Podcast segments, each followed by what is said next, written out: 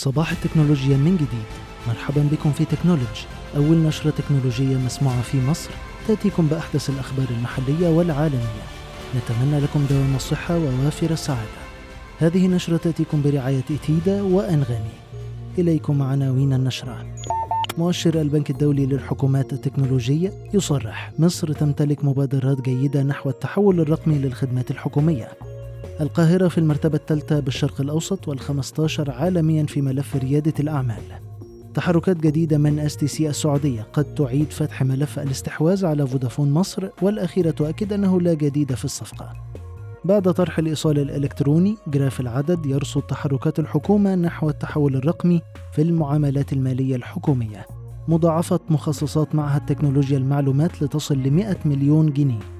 مناقصة الأسبوع. جامعة أسيوط تطرح مناقصة لتوريد شاشات تفاعلية. ضيف حلقة اليوم أحمد حمدي مدير التسويق الإلكتروني في شركة Rich Bake لتسليط الضوء على استراتيجية الشركة في تسويق منتجاتها رقميا مع موسم العودة للمدارس. Corporate Stack تتعاون مع فودافون لإطلاق نظام الفاتورة الإلكترونية لدعم الشركات والمؤسسات المصرية. MoneySuperMarket تصرح شراء هاتف آيفون 13 يحتاج إلى 724.2 ساعة في الهند و 775.3 ساعة في الفلبين و 639.1 ساعة في تركيا. مع توجه العالم نحو التطعيمات وانحسار كوفيد 19 شركات الفيديو والمشاهدة على الإنترنت بتبحث عن مجالات جديدة للاستثمار. إلى تفاصيل النشرة وبداية كشف مؤشر البنك الدولي للحكومات التكنولوجية أن مصر بتمتلك مبادرات جيدة للتحول الرقمي الحكومي ويقيس المؤشر دعم الأنظمة الداخلية للحكومة وتعزيز طريقة توصيل الخدمات للمواطنين وتقبل المواطنين لها بالإضافة إلى تصميم البرامج الحكومية الخاصة بالتحول الرقمي وجاءت مصر ضمن المجموعة الثانية حيث تمتلك استثمارات ورؤى جيدة في معظم مناطق القياس. جاءت القاهرة في المرتبة الثالثة في منطقة الشرق الأوسط والخمستاشر عالميا اللي بتشهد نشاط للشركات الناشئة ورواد الأعمال وفق التقرير العالمي لمناخ ريادة الأعمال في 2021 شهد الأسبوع الماضي تحركات من قبل شركة الاتصالات السعودية لاقتراض 1.1 مليار دولار وفق مصادر مصرفية بتشير إلى احتمالية عودة صفقة استحواذها على أسهم الأغلبية في فودافون مصر. ولكن هذه الأخيرة نفت وجود أي مباحثات حول الاستحواذ. تفاصيل الصفقة من البداية حتى توقف المباحثات في سلسلة زمنية على موقعنا الإلكتروني. شهد وزير المالية الدكتور محمد معيط الأسبوع الماضي طرح منظومة الإيصال الإلكتروني وقال إنه بعد فرض نظام الفاتورة الإلكترونية العام الماضي تم إضافة فروق ضريبية حوالي 3.5 مليار جنيه وكشف 2800 حالة تهرب ضريبي وتجدون تفاصيل أكثر في graph العدد.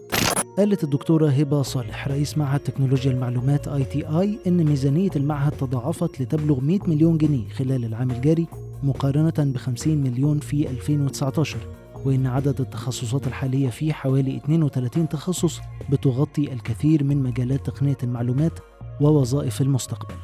جامعة أسيوط طرحت مناقصة لتوريد شاشات تفاعلية بجميع المقاسات إليها على أن يتم فض المظاريف الفنية للشركات المتقدمة يوم 17 أكتوبر. ضيف حلقة اليوم أحمد حمدي مدير التسويق الإلكتروني في شركة ريتش بيك لتسليط الضوء على استراتيجية الشركة في تسويق منتجاتها رقميا مع موسم العودة للمدارس. اولا إزاي ريتش بيك بتعتمد على التكنولوجيا في تسويق منتجاتها؟ لو اتكلمنا عن التسويق وإزاي بنسوق منتجاتنا من خلال استخدامنا للتكنولوجيا فالموضوع بيبقى كبير شوية إن إحنا بنستخدم منصات التواصل مع المستخدمين أو مع العملاء بتوعنا بشكل يومي أو بشكل أسبوعي وشكل شهري إن إحنا بنقدم لهم محتوى ملائم ليهم محتوى بيساعدهم إن هم يفهموا أكتر عن طبيعة المنتجات بتاعتنا وحتى المستخدمين اللي متعودين على Rich Bake لأن هو موجود بقاله 20 سنة أو أكتر في ال market بتاع مصر بن بنتواصل معاهم من خلال الإيفنتات الرئيسية ليهم أو من خلال الأحداث اللي بيعدوا بيها بشكل دوري خلال السنة.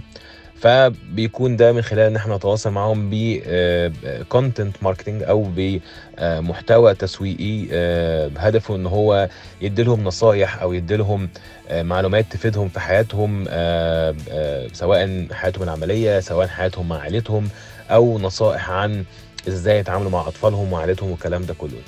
الحاجة التانية إن إحنا دايما بيكون في تطوير في المنتجات بتاعتنا. دايما بيكون في منتجات جديدة طالعة من ريتش بيك فبنحتاج إن إحنا نأناونس عن المنتجات الجديدة دي ونقول للناس إن إحنا سمعنا منكم عرفنا إيه هي أهم مشاكلكم وإيه هي المنتجات اللي أنتم بتطلبوها ومحتاجين آه، إن إحنا آه، ننتجها من خلالنا.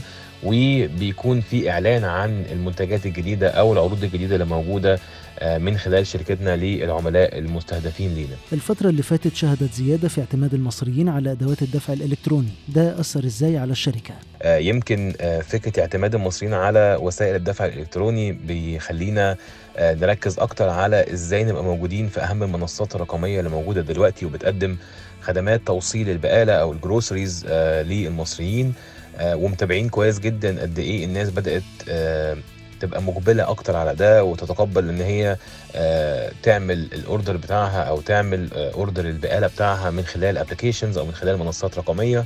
آه، توفيرا للوقت وللمجهود آه، اللي بيعملوه في الزيارة الطبيعية للسوبر ماركت.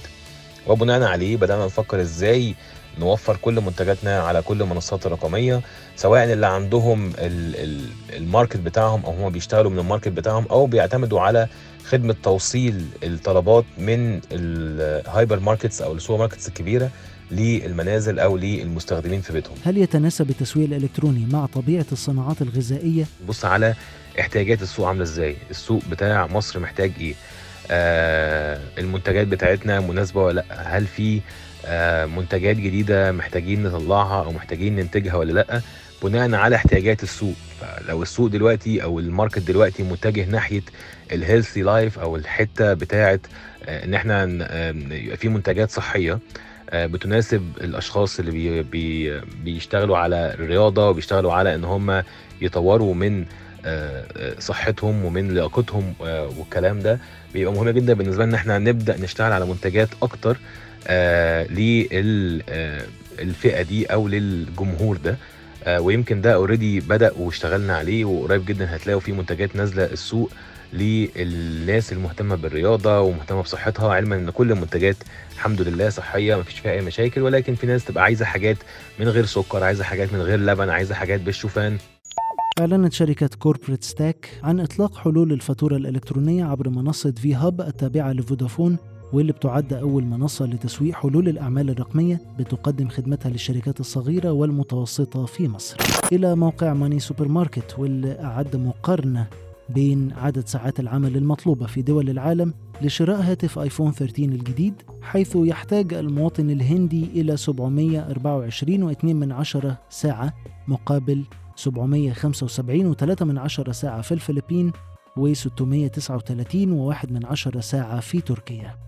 مع انحسار وباء كوفيد 19 وزيادة استخدام اللقاحات تراجعت مجددا مؤشرات برامج الفيديو زي زوم ومعدلات نمو منصات المشاهدة وده اللي ظهر في مقابلة مع مدير زوم الحالي اللي أكد إن المنصات دي لازم تدور على مجالات استثمار جديدة بدل ما تشهد اندثار مع الوقت وتوجد تفاصيل أكثر في تقرير مفصل على موقعنا.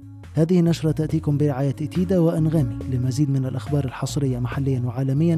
اطلعوا على نشرتنا وزوروا موقعنا technology.news دمتم بخير وأمان.